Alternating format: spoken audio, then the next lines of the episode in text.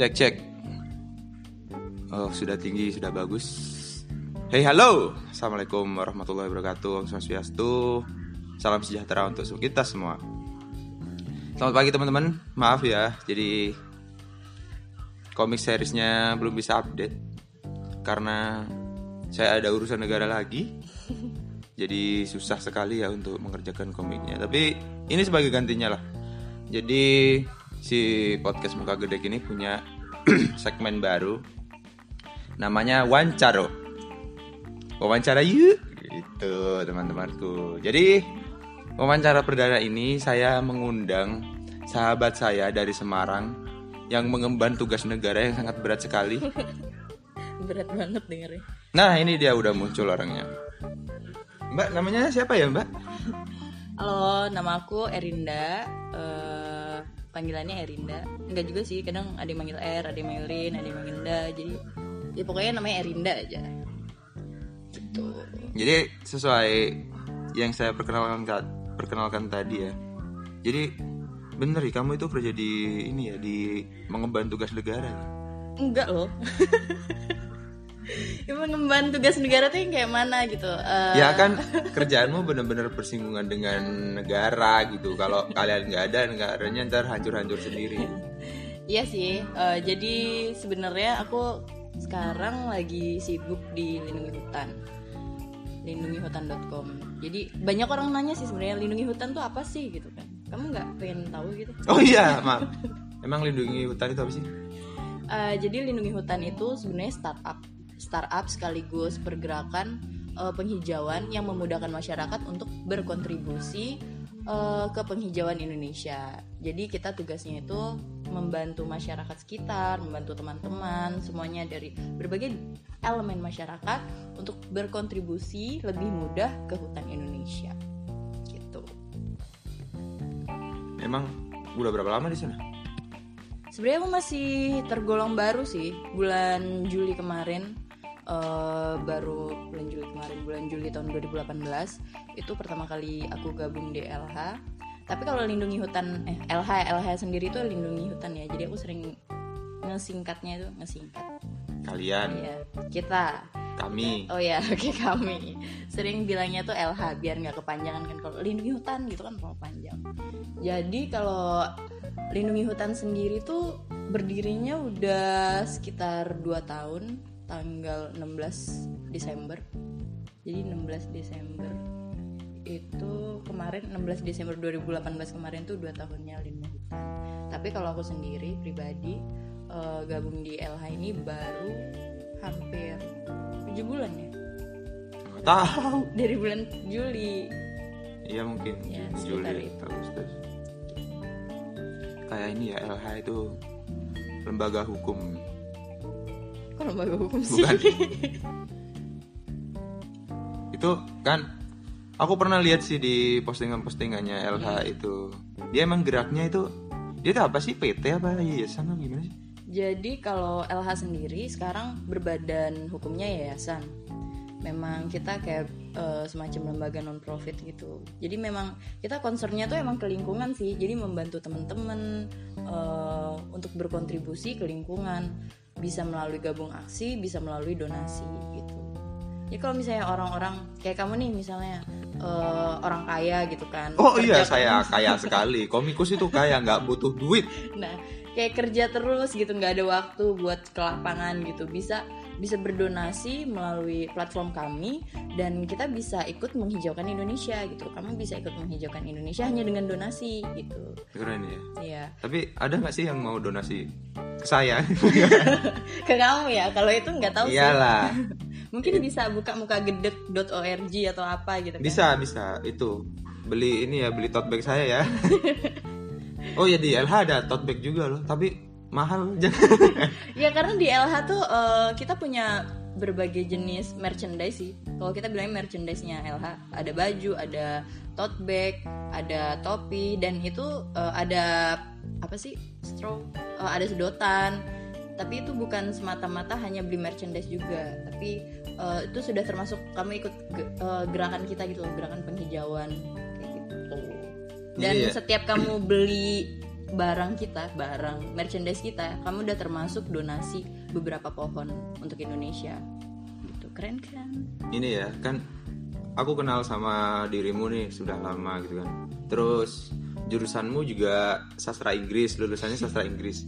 Terus tiba-tiba nyasar ke lindungi hutan itu kenapa kamu tiba-tiba ini ini pasti jawabannya ini jawabannya ini personal branding banget nih kayak. Aku bagian ini kita dengerin aja langsung jahat banget ya.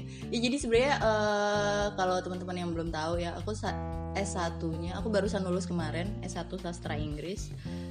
Dan aku gabungnya tuh kapan sih kemarin aku lulus? Oh November kemarin. Dan aku gabung DLH itu bulan Juli. Kenapa sih aku gabung DLH gitu kan. Banyak orang juga sih nanya-nanya setiap nanya. Karena aku kerjanya di lindungi hutan kan orang selalu nanya mbak jurusannya kehutanan ya mbak? Jurusan pokoknya yang berhubungan sama alam-alam gitu ya. Padahal enggak sih. Aku jurusannya sastra Inggris gitu. Kenapa aku gabung di lindungi hutan? Karena klise sih. Klise jawabannya. Karena aku suka eh, emang mencari mencari pekerjaan yang langsung turun langsung ke lapangan yang bisa impactful buat eh, lingkungan maupun keluarga aku kayak gitu. Jadi emang tapi kesannya klise banget ya tapi emang gitu sih. Emang apa emang kesukaan aku aja passionnya aku di sana. Jawabannya pencitraan banget ya ini. Biar kelihatan bagus gitu. Enggak tapi emang gitu sih. Emang honestly gitu. Kalau kan dulu kamu ikut organisasi-organisasi gitu kan. Hmm. terus tiba-tiba ikut LH yang bentuknya kayak gitu. Itu pengalaman kamu buat kerja di sana itu gimana sih? Pengalamannya jadi pertama kali aku masuk di LH tuh aku jadi campaign suksesor Campaign suksesor tuh bagaimana suatu eh, jadi kam, jadi di LH tuh selain bisa berdonasi kamu juga bisa ikut gabung aksi jadi kalau kamu nggak punya uang eh, kamu bisa ikut gabung aksi turun ke lapangan nanam pohon-pohon itu di Semarang doang Enggak, nggak di Semarang, tapi di berbagai wilayah di Indonesia. Jadi aku ceritain dulu ya, kayaknya panjang nih. Jadi ada kampanye selain donasi dan gabung aksi, kita juga bisa bikin kampanye di situ. Misal nih, kamu kan di Lumajang eh, butuh, tapi kamu kamu pengen menghijaukan suatu daerah di Lumajang, tapi kamu nggak punya uang, kamu nggak punya teman-teman untuk kamu rekrut gitu. Nah melalui LH ini kamu bisa bikin kampanye, kampanye penanaman di Lumajang. Jadi kamu bisa eh, rising fund, bisa fundraising padahal rising fund fundraising ya kan rising mencapai fund. kesenangan rising fund funding funding jadi kamu bisa apa sih namanya eh, mencari donasi dan juga bisa meng-hire teman-teman untuk ikut nanem bareng kamu. Itu lewat kampanye. Dan kampanye kita tuh sejauh ini udah lebih dari 85 kampanye di seluruh Indonesia. Karena kita punya sekitar 2200 lebih relawan di seluruh Indonesia di seluruh Indonesia ya. Dan 65 chapter relawan di seluruh daerah di Indonesia. wow padahal ilmu eh, ilmunya umurnya masih muda ya? Iya masih baru 2 tahun. Tapi karena berkat teman-teman berkat eh, banyak masyarakat juga yang ingin berkontribusi terhadap alam jadi visi misinya visi misi. Jadi eh, banyak teman-teman yang bisa mendukung. Berarti itu kalau yang di luar kota itu jatuhnya ini ya? Kayak komunitas gitu apa iya relawan sih sebenarnya. Kalau komunitas tuh eh, bisa juga sih komunitas tapi lebih ke relawan. Jadi nggak harus bikin organisasi segala macam tapi ketika kamu ada kegiatan penanaman kamu bisa ikut kayak gitu. Jadi kontribusinya memang secara rela relanya kamu gimana aja gitu. Berarti kalau misalnya di luar kota itu mereka mengajukan sendiri apa gimana sih? Kalau misalnya kamu di luar kota nih dan kota kamu memang udah ada eh, relawannya gitu. Kamu bisa gabung relawan di situ tapi kalau misalnya belum ada kamu bisa mengajukan. Misalnya kayak di Lumajang itu bayar gak ntar enggak enggak bayar free. Jadi free. Kamu jadi relawan dan segala macamnya itu free. Oh nggak ada registrasi registrasinya nggak ada. Karena kan kita emang basisnya eh, untuk mempermudah masyarakat berkontribusi. Jadi kita nggak mau menyusahkan teman-teman. Jadi kalau misalnya nih saya di Lumajang kan pengen pengen jadi relawan nih. Hmm. terus kita ngelapor gitu apa gimana sih apa ngisi formulir apa gimana gitu Nah, kamu bisa buka di lindungihutan.com, terus eh, klik register. Di situ nanti kamu bisa register jadi relawan kita. Gitu aja sih. Jadi kamu tinggal ngisi data aja. oh terus kita ntar ngikutin programnya ya programnya Iya. emang programnya apa ada ini apa tiap tahun itu ada kayak program bareng-bareng gitu gak sih? Kalau dulu itu belum ada karena dulu kan masih rintisan kan. Jadi kita eh, ngajak teman-teman di daerah yang mau bikin kampanye silahkan gitu. Jadi kita ngebantu mereka untuk bisa dapat donasi dan bisa dapat teman-teman yang emang mau ikut gabung aksi gitu. Tapi kalau untuk mulai tahun ini eh, kita coba untuk bikin beberapa event, event besar. Salah satunya nih bulan April ini ada namanya Rawat Bumi. Jadi kita akan melakukan penanaman serentak di 100 kota di Indonesia, 100 daerah di Indonesia secara serentak di tanggal 21 April. Kayak gitu. Aku lihatnya ini ya apa kayak mangrove mangrove gitu bukan sih lindungi hutan itu? Enggak, jadi hutan. Hutan itu kan banyak ya, ada di pesisir, ada di gunung, tapi pertama kali dengar kata hutan, apa sih yang dia yang ada di benak kamu biasanya? Ya kayak hutan di gunung gitu di di kampung-kampung. gitu. Hmm. Nah, makanya karena banyak orang tuh mikir tuh hutan tuh biasanya di gunung, terus yang pohonnya tinggi-tinggi gitu kan. Terus penggundulan hutan juga adanya di gunung. Nah, biasanya kan di daerah-daerah daratan gitu. Padahal sebenarnya eh, di pesisir juga tuh ada yang namanya hutan, yaitu hutan mangrove. Dan nggak banyak orang yang tahu bahwa hutan mangrove itu penting loh gitu. Jadi di sini kita juga mencoba eh, apa ya namanya, meningkatkan awareness masyarakat, kesadaran masyarakat eh, tentang pentingnya hutan di pesisir. Karena kalau kalian tahu ya, ada tiga daerah di Indonesia, tiga kota di, di Indonesia yang eh, terkena abrasi paling tinggi. Itu ada di Pekalongan, ada di Semarang, dan satunya lagi ada di mana ya lupa?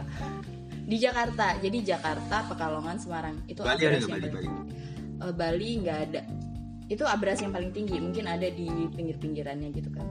Nah kenapa sih mangrove itu penting? Karena mangrove itu penahan abrasi gitu loh. Jadi mangrove itu juga termasuk hutan.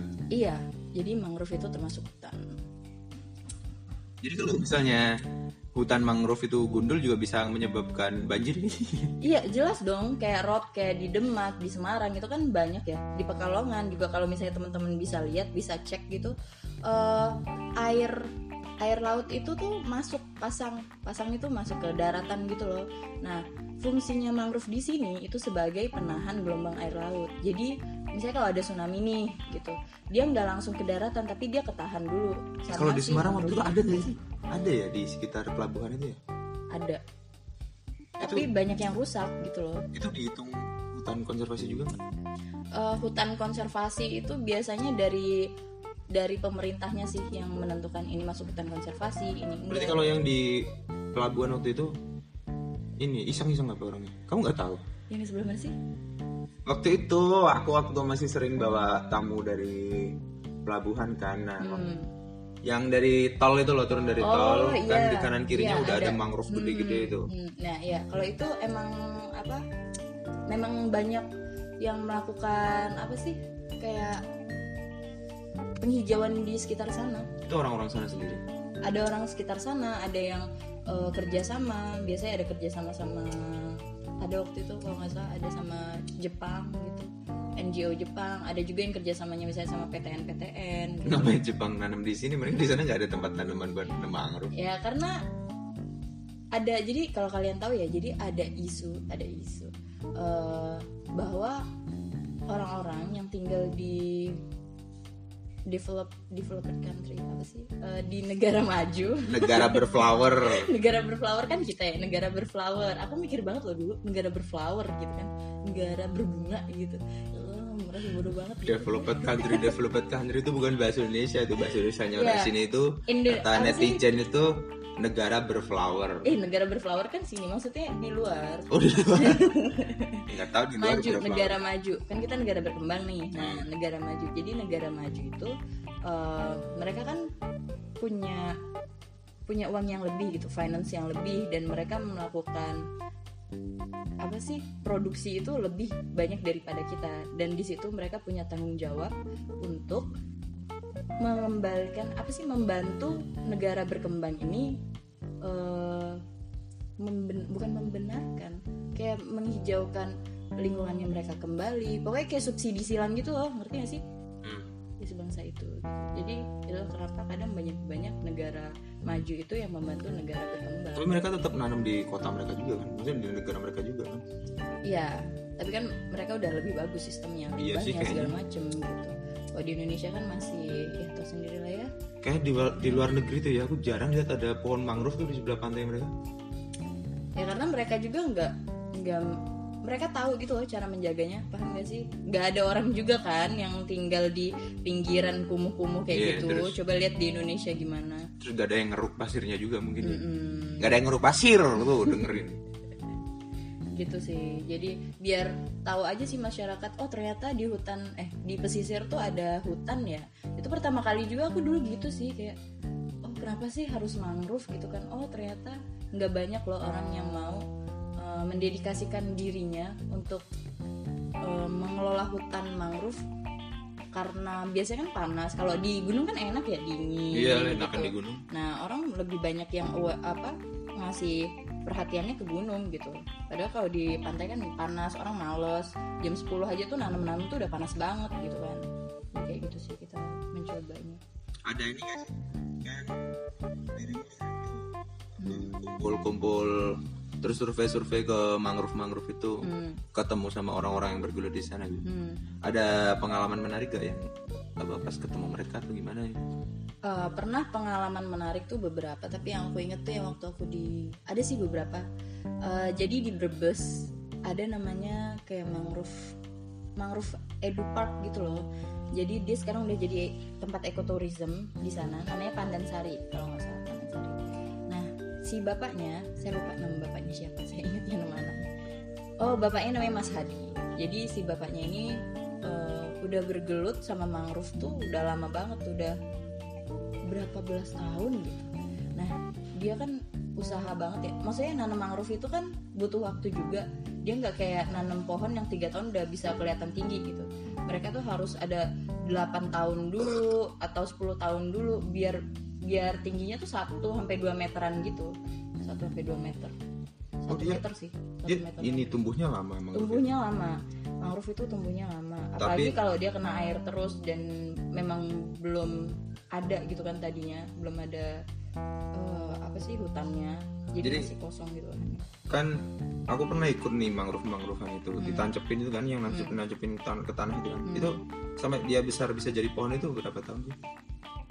kalau untuk besarnya itu butuh waktu untuk besarnya ya apalagi untuk akar-akaran gitu lama sih 8 8 tahunan Oh, gitu. Yang orang bentuknya- kadang 2 tahun tuh masih pendek paling daunnya nambah berapa gitu. Aja Itu udah dua tahun itu segitu. dua tahun tiga tahun. Karena aku kan ngelihat kayak pertamanya aku lihat "E, pak itu baru ditanam ya? Karena daunnya tuh masih lima biji gitu loh. Bayangkan lima biji daun di ujung-ujungnya gitu. Pak itu baru ditanam kemarin. Oh enggak mbak itu udah dua tahun.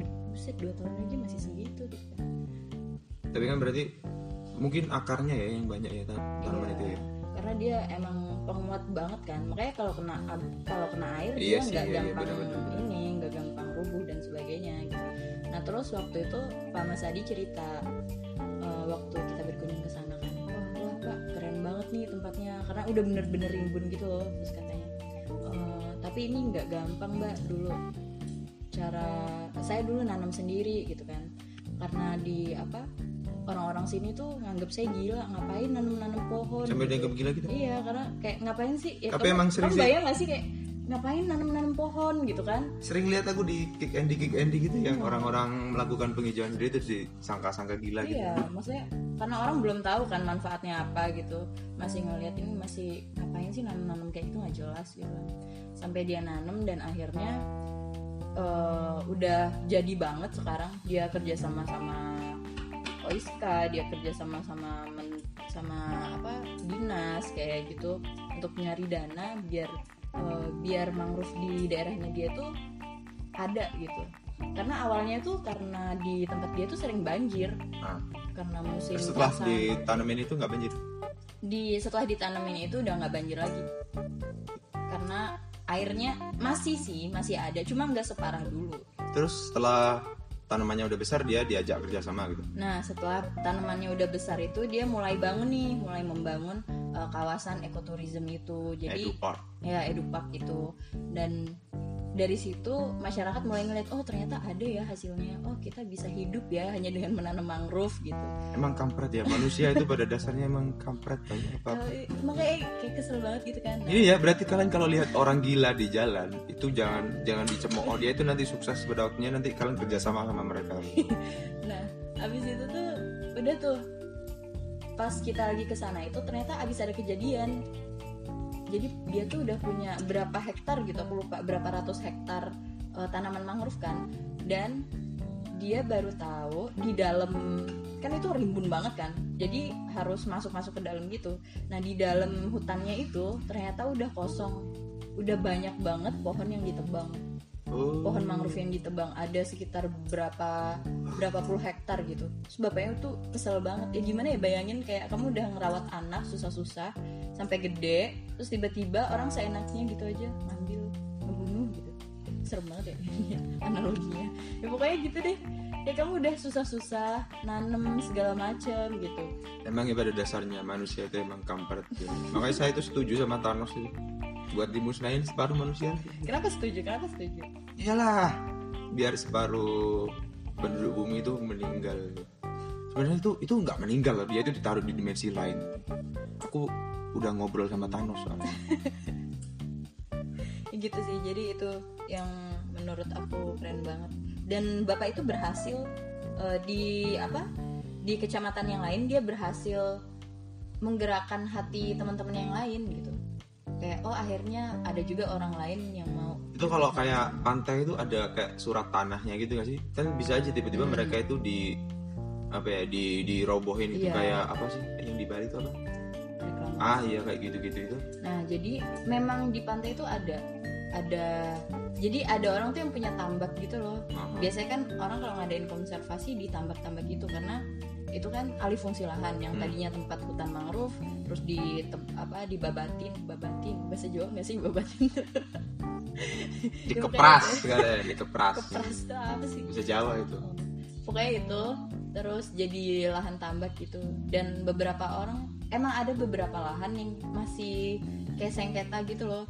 Antara mau dikonservasi sama antara itu punya orang gitu. Tapi bingung ya serba bingung gitu. Kadang masih ada permasalahan kayak gitu.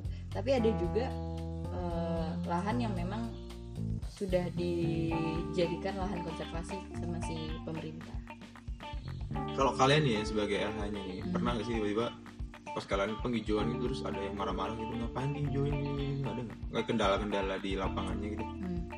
Alhamdulillahnya sampai sekarang sih belum ada ya. Sampai sekarang. untung aja nggak ada ya Mm-mm. semoga lah ya nggak ada terus sampai Walaupun kadang kita masih eh, Pak kira-kira ini gimana ya lahannya udah bener eh, bisa atau soalnya kalau di gunung ya Hmm, di gunung itu hutan itu milik perhutani hmm, dinas perhutani nah hmm, ketika gunung itu hutan di sekitar situ dialihfungsikan hmm, itu ada semacam apa ya MOU lah ya. apa ya surat perjanjian tertulis SPT apa SPK gitu loh Hmm. eh surat perjanjian kerjasama SPK ya lupa nah lalu kita itu dikasih kayak surat eh jadi apa ya, fungsi pemakaian gitulah pokoknya lah. Apa ya sebutannya pokoknya pokoknya itulah jadinya kita bisa menggunakan oh hak guna hak guna jadi kita menggunakan tanah itu untuk hak guna gitu kan nah pun itu itu masih sering bermasalah gitu loh itu kan di gunung kan Iya. dan ada udah ada dinasnya udah ada SPK-nya itu sering bermasalah gitu kalau di pantai gitu Iya tuh kalau pantai apa nggak jauh beda nggak jauh beda sih. Memang apa ya? Lebih kayak ke itu antara masyarakat sama pemerintah sih.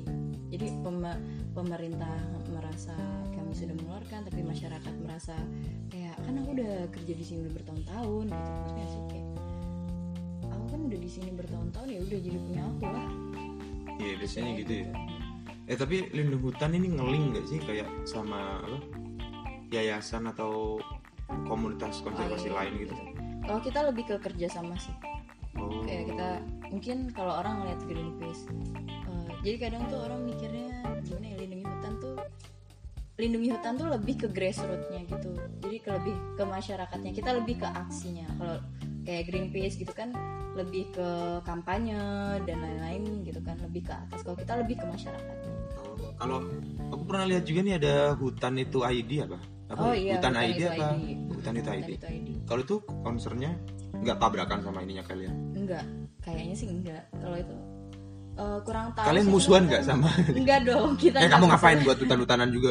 Enggak, malah kadang kita eh, emang saling sharing gimana sih caranya eh, apa dalam sistem kita dalam sistem kerja itu. Memang lebih sharing gitu. Hutan itu ID atau kadang sama Greenpeace, kadang kita ngelakuin kerja sama kerja sama. Berarti kayak ini ya, apa tiap komunitas yang hutan-hutanan itu hutan-hutanan itu pokoknya yang konservasi-konservasi itu punya concern masing-masing punya Iya, fokus punya. masing-masing. Punya fokusnya masing-masing. Jadi memang udah kerja di field- di bidangnya masing-masing. Kalau ini saya punya pertanyaan personal ini. Ini nggak ada loh di catatan. Aduh, aku deg-degan nih. Menurutmu sampai kapan sih orang itu masih mau melindungi hutan-hutannya dikit? Pertama buat kamu sendiri nih. Hmm. Kamu sampai kapan mau berjuang buat hutan yang kampret itu? Selama harapan itu masih ada, aku masih Alah itu klise banget itu.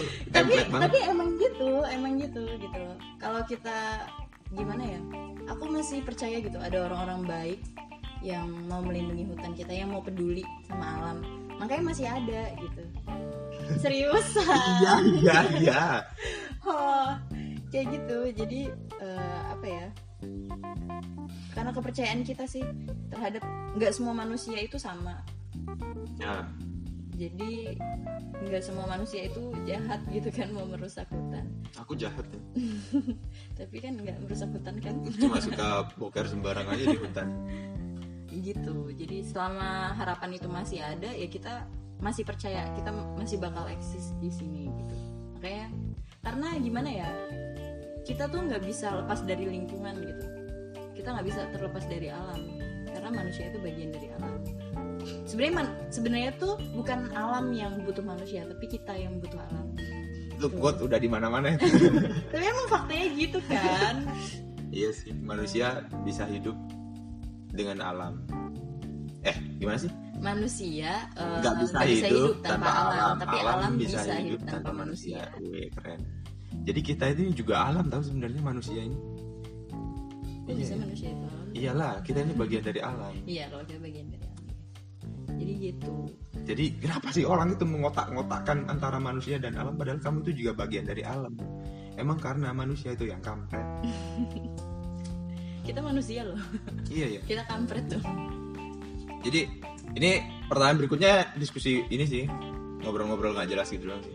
Ngobrol tentang muka gede. Oh enggak. Enggak tentang tentang konservasi alam. Oh iya, Kalau ini aja tuh hmm, ini aja deh masih bahas ini aja dulu deh. Oke. Lindungi hutan itu. Kalau ini nih, kalau ada orang yang pengen gabung, Ini tadi udah di lindungihutan.com terus tinggal registrasi aja klik registrasi atau kalau misalnya mau tahu infonya yang terbaru bisa di eh, Instagram, bisa cek Instagram. Instagramnya lindungi hutan. ya tuh saya hutan. si muka gede juga ngefollow tuh lindungi hutan dot eh nggak ada ya Enggak ada. Head lindungi hutan aja. Kelihatan kalau nggak ngefollow Enggak kok tapi nge-follow kan tahu. oh iya iya. iya saya juga pernah jadi saya itu sering ikut ini loh kayak kampanye kampanyenya si lindungi hutan kayak waktu itu pernah ada ya yang meluk pohon meluk pohon iya, gitu. satu pelukan satu pohon. nah iya kayak gitu Jadi ketika kamu upload satu foto meluk pohon, kamu sudah termasuk donasi sama. itu bener tuh begitu Iya, itu benar. aku nggak masuk akal lah Mbak. kita meluk pohon itu terus- tiba-tiba pohon satu kecil muncul gitu Nah, itu gitu. itulah kenapa har- eh, kenapa ada kampanye. Jadi banyak banget orang-orang baik yang mau eh, memberikan eh, apa ya? miliknya, miliknya. Ya misalnya mereka mendonasikan uang. Oke, nah, mendonasikan uang segini eh, dengan kampanye ini. Jadi kenapa sih kampanye-kampanye itu ada? Karena orang-orang baik itu ada gitu. asik saya sebagai orang jahat sangat terharu yang mendengar kadang itu saya juga nggak habis pikir gitu sama orang-orang yang mau bergelut di bidang-bidang relawan gitu saya tuh kayak ikut relawan itu ikut-ikut doang gitu loh setengah hati gitu kan Hmm, tapi kalau ada orang-orang lain itu saya jadi terharu gitu saya pengen nangis tapi nangis nangis nangis. Karena apa ya? Udah ini aja kali panggilan jiwa kali ya. iya ya ngerti gitu sih. ya. Nggak ngerti sih kayak ya kalau bukan kita siapa lagi gitu. Loh asik.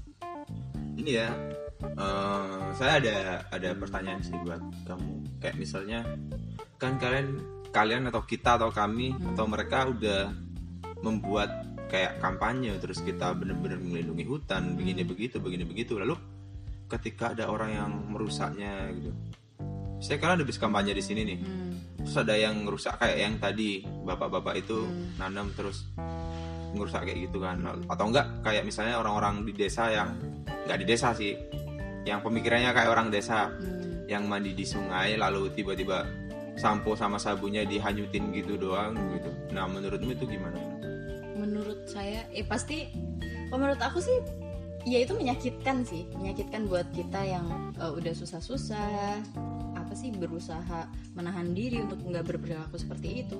Tapi eh, kalau kita fokus di masalahnya ya nggak akan menyelesaikan masalah. Jadi kita harus fokus bagaimana menyelesaikan eh, problem itu gitu kan. Jadi ya mungkin kita bisa dimulai dari diri kita sendiri. Klise banget dimulai dari diri kita sendiri. Tapi kalau banyak orang yang berpikir oke dimulai dari diri aku sendiri ya itu bakalan baik gitu nyatanya orang-orang mikirnya klise sih makanya jangan sering diungkapin itu diri dari diri sendiri malah kayak biasa tuh Iya. padahal itu sakral banget itu Hmm. kayak misalnya kalian bawa tote bag kan buat ini bentar lagi ada promosi nih bawa tote bagnya dari muka gede kan buat Hmm. belanja di supermarket gitu kan jadi kalian mengurangi satu sampah plastik setiap harinya gitu Hmm. itu udah berpengaruh banget kan harga Iya. tote bagnya padahal 45.000 ribu kayak kemarin belum tahu harganya berapa oh iya udah di ini udah keceplosan nggak apa-apa deh Nah, ya gitu sih, maksudnya dimulai aja dari diri kita sendiri. Kecil, tapi kalau misalnya semua orang melakukannya, itu kan berdampak besar gitu. Kalau misalnya nggak ada yang melakukannya, ya misalnya kita harus cuma mikir kayak, ya itu kan eh, tergantung dari company-company perusahaan-perusahaan besar yang ada di atas kita, lebih lebih berkuasa daripada kita. Tapi kalau misalnya kita eh, nggak gimana ya? Kalau misalnya ekonomi itu kan kalau nggak ada pe- nggak ada permintaan nggak akan ada penawaran gitu. Jadi kalau kita nggak ada minta ke perusahaan besar untuk ada plastik, ya nggak akan ada penawaran plastik itu. ya ini aku kemarin lihat di twitter itu loh apa Hmm.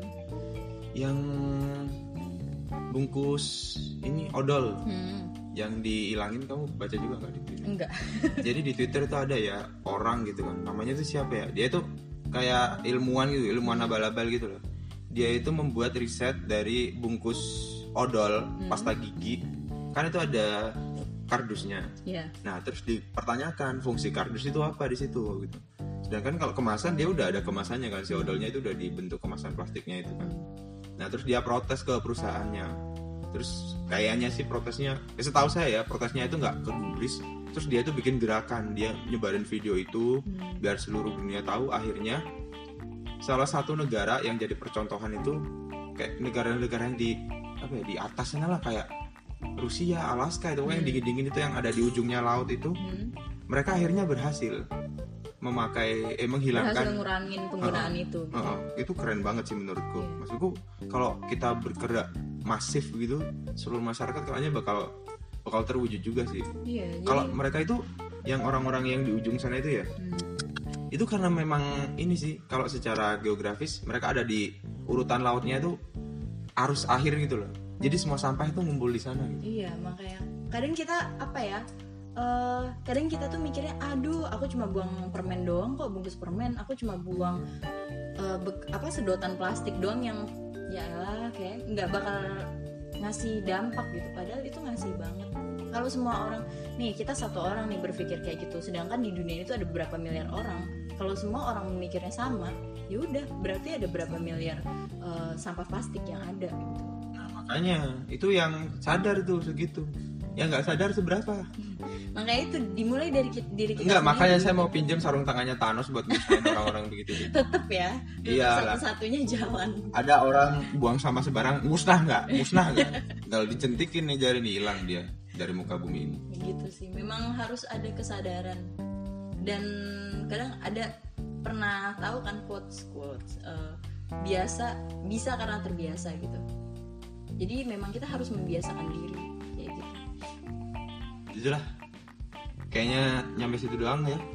gitu aja Kakak Erinda udah 34 menit nih kan durasi kita cuma setengah jam. oh iya oke Ini deh pesan terakhirnya. Hmm, ada nggak pesan kenapa orang lain itu harus gabung sama lindungi hutan kenapa sih orang lain harus gabung uh, dengan kita karena tanpa kamu ya lindungi hutan itu nggak ada.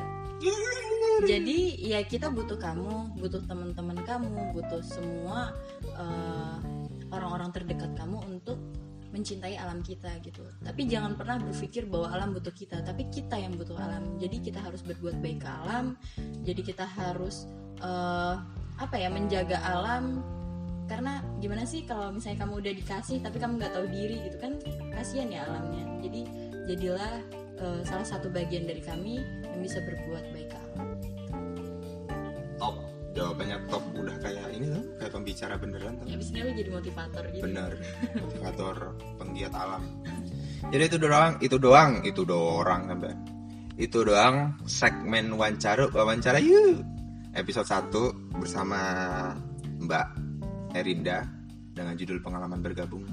Dengan lindungi hutan tanggal 4 Februari Monday 1023 Monday Monday mas Monday. Monday 2019 gitu aja saya tutup. Assalamualaikum Wassalamualaikum dan salam sejahtera untuk kita semua. Bye